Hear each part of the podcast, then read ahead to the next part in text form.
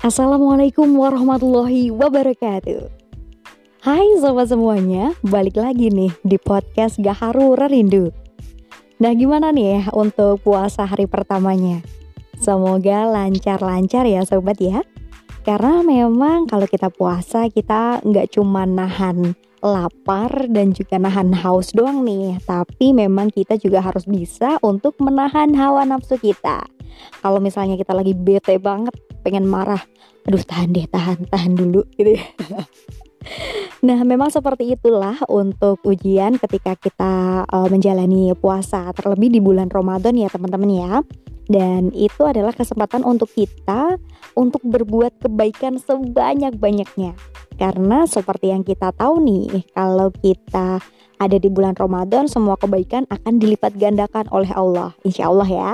Dan kalaupun kita ingin berbuat kejahatan, nah, tolong ditahan dulu atau jangan sampai kita berbuat kejahatan karena nantinya juga akan dilipat gandakan juga tuh nanti. Nah, udah minus pahalanya eh ditambah melakukan kejahatan gitu ya. Nah, mumpung uh, ini masih di suasana Ramadan di hari pertama puasa uh, aku ngajak teman-teman semua nih untuk berbenah diri, memperbaiki diri. Begitu juga dengan aku nih yang ya banyak hal mungkin dosa-dosa kecil yang kita lakukan tapi tanpa sengaja gitu ya dan kita nggak nyadar gitu kan. Oke, okay, dan di podcast kali ini uh, kita akan mengulas atau menilik kembali gitu ya untuk mengenal lebih jauh keluarga Rasulullah Shallallahu Alaihi Wasallam nih. Karena di episode sebelumnya kita udah kenalan sama eyang buyutnya Rasulullah nih, yaitu bernama Hashim. Uh, seorang yang uh, ini ya sebagai juru kuncinya atau pemegang uh, penanganan air minum gitu ya di lingkungan dia tinggal. Nah kali ini kita akan kenalan dengan kakek Rasulullah Shallallahu Alaihi Wasallam nih. Beliau bernama Abdul Muthalib. Nah, aku rasa teman-teman semua udah familiar dengan nama ini gitu ya karena kalau di buku cerita-cerita nabi di anak-anak gitu ya itu juga sudah sering uh, nama ini tuh disebutkan Nah, tapi apakah benar kita sudah mengenal beliau? Apakah kita juga sudah tahu beberapa kisah yang berkaitan dengan uh, Abdul Muthalib ini? Nah, langsung aja kita ulas masih di buku yang sama yaitu uh, aku pakai bukunya Sirah Nabawiyah yang ditulis oleh Syekh Syafiur Rahman Al Mubarakpuri.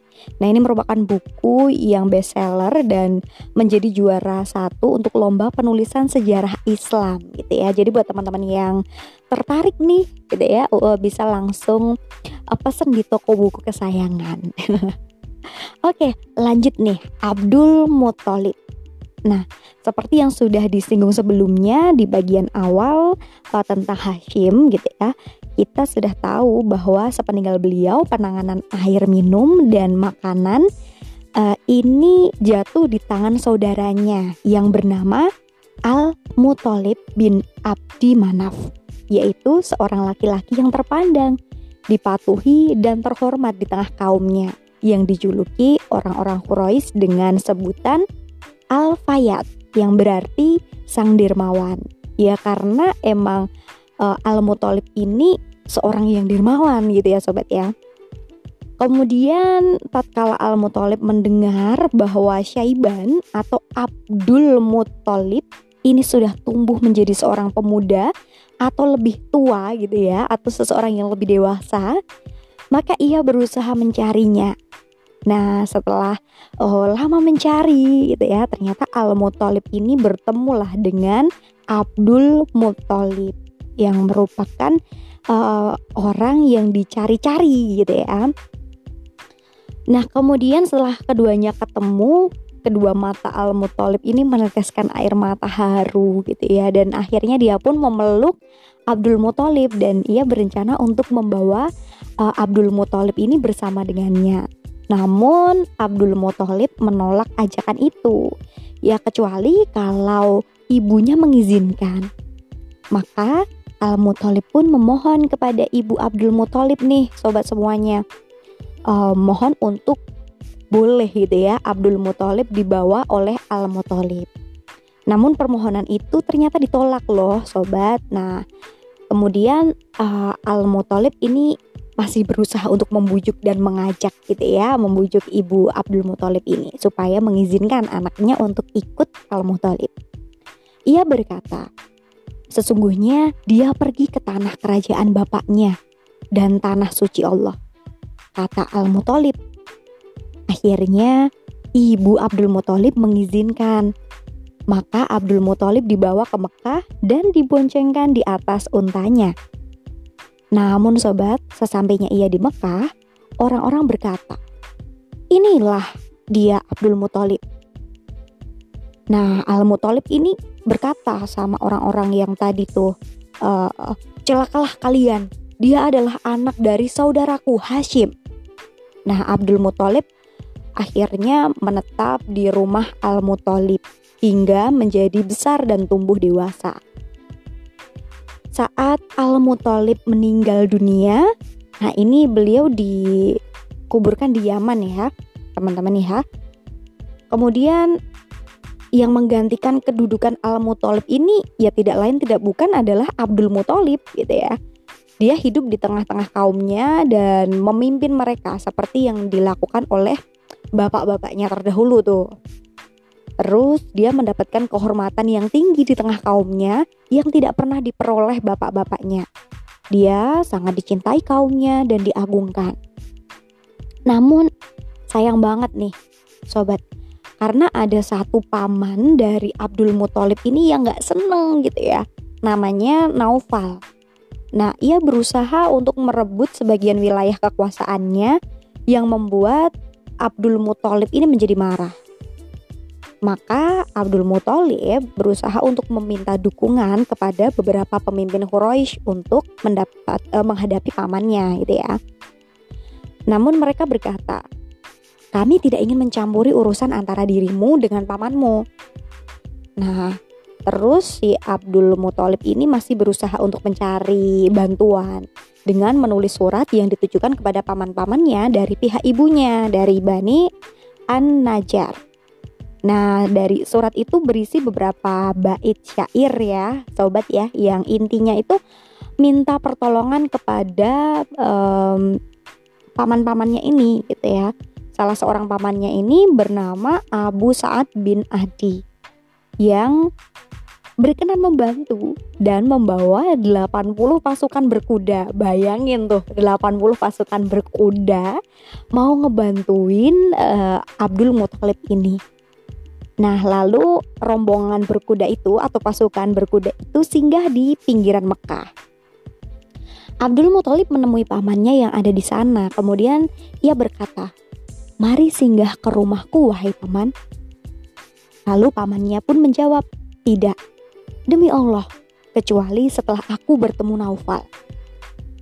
Lalu Abu Sa'ad mencari Naufal yang saat itu sedang duduk di Hijir bersama beberapa pemuka Quraisy. Abu Sa'ad langsung menghunus pedang dan berkata, Demi penguasa Ka'bah, jika engkau tidak mengembalikan wilayah kekuasaan anak saudariku, maka aku akan menebaskan pedang ini ke batang lehermu. Katanya kepada Naufal. Namun Naufal pun menjawab, aku sudah mengembalikannya. Nah, akhirnya ini minta untuk uh, disaksikan gitu ya uh, sobat semua ya supaya apa yang disampaikan Naufal ini benar gitu kan. Nah, akhirnya pengembalian itu pun dipersaksikan oleh para pemuka Quraisy. Nah, baru setelah itu Abu Sa'ad mau nih untuk singgah di rumah Abdul Muthalib dan ia menetap di sana selama tiga hari. Setelah itu uh, ia melaksanakan umroh dan pulang ke Madinah. Terus teman-teman di uh, saat yang sama atau di masa itu ada salah satu peristiwa penting juga yang terjadi di Baitul Haram semasa Abdul Muthalib um, menjadi ini ya apa namanya pemimpin di sana. Nah kala itu Abdul Muthalib melakukan penggalian sumur Zam-Zam dan ada peristiwa pasukan gajah ya, di masa yang sama. Jadi untuk ringkas ceritanya kayak gini nih sobat semuanya. Nah, di peristiwa yang pertama, pada awal mulanya, Abdul Muthalib ini bermimpi disuruh menggali sumur Zam-Zam dan e, mencari tempatnya. Maka ia pun melaksanakan perintah dalam mimpi itu. Dan ternyata di dalamnya dia mendapatkan berbagai benda berharga yang dulu pernah dipendam oleh orang-orang Jurhum tatkala sedang berkuasa nih. Nah, apa aja sih benda-benda itu? Ya, ternyata Abdul Muthalib ini uh, menemukan pedang, menemukan baju perang, menemukan dua pangkal pelana yang semuanya terbuat dari emas. Nah, kemudian ia menjadikan pedang-pedang itu sebagai pintu Ka'bah dan memasang dua pangkal pelana di pintu itu. Nah, Abdul Muthalib ini tetap menangani urusan air minum dari Zam-Zam bagi orang-orang yang uh, menunaikan haji gitu ya. Ya meskipun uh, dia sudah nemuin tapi dia tetap uh, berusaha untuk melayani orang-orang gitu ya yang uh, tadi tuh uh, melakukan ibadah haji gitu ya, sobat ya dengan menyediakan. Nah, sebagai seorang pemimpin dia menyediakan urusan air minum dari zam-zam yang udah dia temuin itu. Nah, tatkala sumur zam-zam itu ditemukan kembali oleh Abdul Muthalib, apa yang terjadi di antara orang-orang Quraisy? Ya, bener banget pasti dipakai untuk rebutan gitu ya. Banyak orang-orang Quraisy ini yang pengen campur tangan nih untuk menanganinya. Nah, mereka uh, mereka tuh berkata dengan uh, kepada Abdul Muthalib, teman-teman. Kami ingin bersekutu Nah, mereka ingin bekerja sama gitu ya. Namun Abdul Muthalib ini mengatakan, gak bisa gitu ya. Ini adalah urusan yang secara khusus ada di tanganku. Nah, kata Abdul Muthalib seperti itu. Dia tidak mau menyerahkan begitu aja tuh masalah uh, air gitu ya, air zam-zam kepada mereka. Kecuali setelah uh, menyerahkan keputusan kepada seorang dukun dari Bani Sa'ad. Nah, kalau itu emang masih percaya gitu ya sama eh, dukun-dukun gitu ya, uh, sobat semua ya. Nah, mereka tidak akan pulang kecuali setelah Allah memberinya 10 anak laki-laki dan setelah mereka besar, dia tidak lagi mempunyai anak. Maka dia akan mengorbankan atau menyembeli salah satu uh, seorang di antara anak mereka di hadapan Ka'bah. Nah, ini adalah sebuah janji atau um, apa ya yang nazar gitu ya yang uh, dilakukan oleh si Abdul Muthalib ini. Nah, nanti untuk uh, terusannya yang bagian itu bakalan uh, kita ulas juga insya Allah ya teman-teman ya. Nah, tapi nanti di bagian ini tolong teman-teman juga koreksi, takutnya saya keliru untuk menggali informasi. Kemudian di saat yang sama ini ada peristiwa yang kedua ya teman-teman e, karena tadi tuh uh, Ka'bah itu kan sudah ramai gitu ya digunakan untuk sembahyang, untuk beribadah. Nah, ternyata di lain pihak ini ada yang namanya Abrahah Asobah Al-Habsyi, yaitu seorang gubernur yang berkuasa di zaman dari Najasyi gitu ya dan uh, ia tuh ngebangun gereja yang sangat besar gitu ya. Karena ia melihat bangsa Arab ini kok melaksanakan haji di Ka'bah gitu ya. Dia berpikir bahwa dengan adanya gereja yang sangat besar itu uh, dia pengen tuh untuk mengalihkan pusat kegiatan haji di sana. Ya ini agak lucu sih ya. Kemudian seseorang dari Bani Kinanah mendengar niatan Abraha ini teman-teman. Nah maka selagi tengah malam dan dengan cara mengendap-endap ia masuk ke dalam gereja itu dan melumurkan kotoran ke pusat kiblatnya. Ya tentu aja ketika Abraham mengetahui peristiwa itu ia amat murka gitu ya. Dan akhirnya Abraham ini membawa pasukannya yang jumlahnya mencapai 8 eh sorry 60 ribu prajurit 60 ribu prajurit. Bayangin 60 ribu prajurit menuju ke Ka'bah untuk menghancurkan Ka'bah. Nah terus mereka pakai kendaraan apa sih? Nah mereka memilih seekor gajah yang paling besar. Di samping 9 atau 13 ekor gajah lainnya di tengah pasukannya dan gajah-gajah itu siap untuk menginvasi Mekah. Nah, Setibanya di Wadi Muhasir yaitu antara Musdalifah dan juga Mina, tiba-tiba gajah-gajah itu menderum teman-teman. nggak mau buat bangkit lagi gitu ya. Nggak mau untuk jalan bangkit mendekati Ka'bah. Setiap kali mereka mengalihkan ke arah selatan utara timur atau barat yang berlawanan dengan arah Ka'bah gajah itu mau berdiri dan hendak lari. Nah namun saat dialihkan ke arah Ka'bah maka gajah-gajah itu pun menderum nah jadi gajahnya tuh nggak mau buat uh, lari ke arah Ka'bah tapi kalau diarahin ke arah berlawanan dengan Ka'bah, gajah itu tuh pengen segera lari atau bisa bangkit gitu teman-teman. Nah, tatkala keadaan mereka seperti itulah Allah mengirimkan burung-burung ababil di atas mereka, lalu menjatuhkan batu-batu dari tanah yang panas. Nah, sehingga mereka tak ubahnya jadi daun-daun yang dimakan ulat gitu. Jadi uh, seperti perumpamaan daun-daun kalau dimakan ulat kan udah layu gitu ya, udah bolong-bolong gitu ya. Dan burung-burung itu menyerupai hatatif dan balsam. Nah, setiap burung ini membawa tiga biji batu yang di patuknya dan dua batu di kedua kakinya. Nah, yang besarnya itu seperti biji kacang, teman-teman.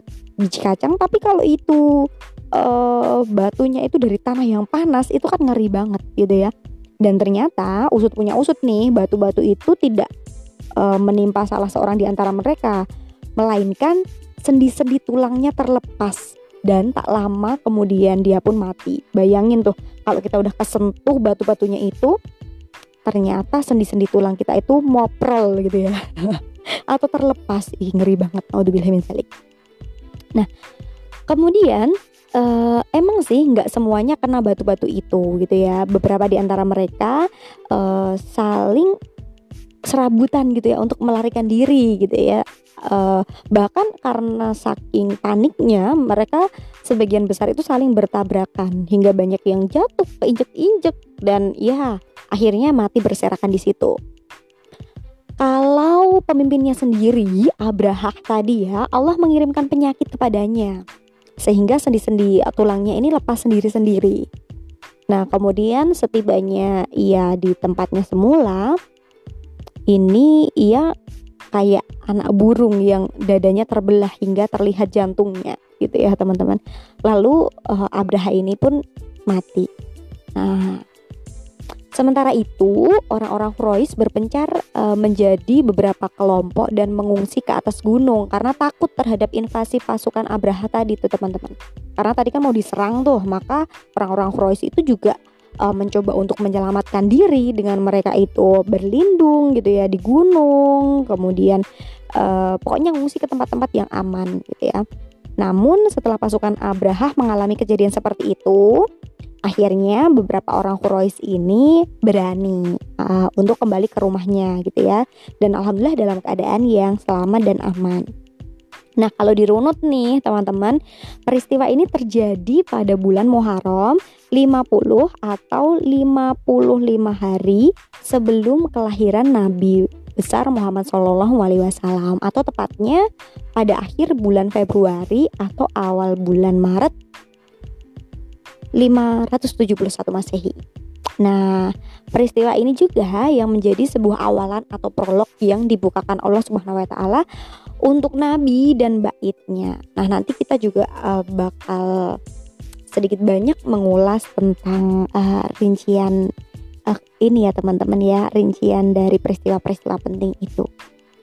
Nah, kalau Abdul Muthalib ini atau kakek Muhammad uh, Alaihi Wasallam Rasulullah gitu ya ini memiliki 10 anak laki-laki yang bernama Harits, Azubair, Abu Talib, Abdullah, Hamzah, Abu Lahab, Al-Ghaidak, Al-Mukhawim, Sofar, Al-Abbas. Nah, ini kalau dirunut dari beberapa pendapat eh, sebenarnya ada yang berpendapat anaknya ini ada 11 tapi ada juga yang berpendapat anaknya 13 jadi ada ada beberapa beberapa versi ya teman-teman. Ya nanti coba teman-teman juga kulik sendiri karena sering kali um, ini untuk sumber-sumber sejarah seperti ini memang ada berbagai versi gitu Oke, itu aja sih yang uh, paling penting untuk kita ketahui tentang kisah kakek Rasulullah Shallallahu Alaihi Wasallam yaitu Abdul Muthalib. Ternyata dari sini kita tahu ya, sobat ya bahwa uh, kakek Rasulullah ini juga berasal dari seorang yang terpandang dan uh, beliau juga Abdul Muthalib ini yang menjadi pemegang kekuasaan uh, perairan dan juga makanan gitu ya untuk uh, wilayah di sekitar Ka'bah yang digunakan oleh uh, banyak orang saat itu untuk melakukan ibadah haji. Dan dari kisah itu kita juga bisa mengetahui bahwa uh, kita itu kalau menemukan permasalahan memang kita harus menyampaikan atau mungkin kita butuh bantuan dari orang lain, butuh pertolongan orang lain seperti itu. Itu dari kisah Abdul Muthalib. Tapi kalau dari peristiwa yang tadi yang nggak boleh kita contoh adalah kita uh, punya rasa yang iri dengki kayak gitu ya, seperti yang tadi uh, dikisahkan oleh sosok Naufal itu yang um, ia pengen merebut gitu ya sebagian wilayah kekuasaan Abdul Muthalib ini Nah, kalau bukan jatahnya, bukan haknya ya, maka jangan langsung asal serobot ya, teman-teman ya. Tapi uh, ya sudah sesuai dengan kemampuan kita. Ketika kita memang berniat untuk menolong, ya maka kita tolong. Kalau kita berniat untuk membantu, atau mungkin kita berniat untuk bekerja sama, nah mungkin itu bisa dibicarakan dengan baik-baik seperti itu. Dan juga jangan mencontoh sosok Abraham tadi. Oh sorry, Abraha. Abraha tadi yang uh, dia juga pengen menguasai um, ini nih menguasai tempat peribadahan di Ka'bah dan pengen mengganti kiblat nggak di Ka'bah itu tetapi mengganti kiblatnya itu e, di sebuah gereja yang besar yang ia sudah bangun. Nah, karena Allah nggak ridho gitu ya, maka berbagai cara pun uh, yang dilakukan itu pasti gagal gitu ya. Jadi uh, yang perlu paling dicatat ada paling penting untuk dicatat adalah mari kita berbuat kebaikan dan itu tentunya sesuai dengan uh, anjuran ataupun perintah dari Allah. Pokoknya semata-mata semua yang kita lakukan itu untuk Allah aja kayak gitu. Oke, mungkin itu dulu sih sobat untuk sharing hari ini. Menarik banget tentang kisah um, kakek gitu ya kakek dari Rasulullah Shallallahu Alaihi Wasallam. Dan mudah-mudahan konten ini bermanfaat untuk uh, sobat semuanya. Dan jangan sungkan buat sobat yang ingin memberikan kritik saran atau masukan gitu ya untuk podcast kali ini. Dan karena kali ini sesi Ramadan atau uh, episode untuk bulan Ramadan kita tentunya tidak henti-hentinya untuk belajar menggali banyak informasi yang tentu akan menambah kecintaan kita terhadap Rasulullah Shallallahu Alaihi Wasallam beserta keluarganya. Gitu aja, mohon maaf jikalau banyak kekeliruan atau mungkin hal-hal yang uh, salah atau yang kurang berkenan di uh, sobat semuanya. Saya mohon maaf dan kita jumpa lagi di episode berikutnya. Selamat menunaikan ibadah puasa buat teman-teman yang uh, menjalankan puasa. Wabillahi taufiq wal hidayah wa inayah. Wassalamualaikum warahmatullahi wabarakatuh.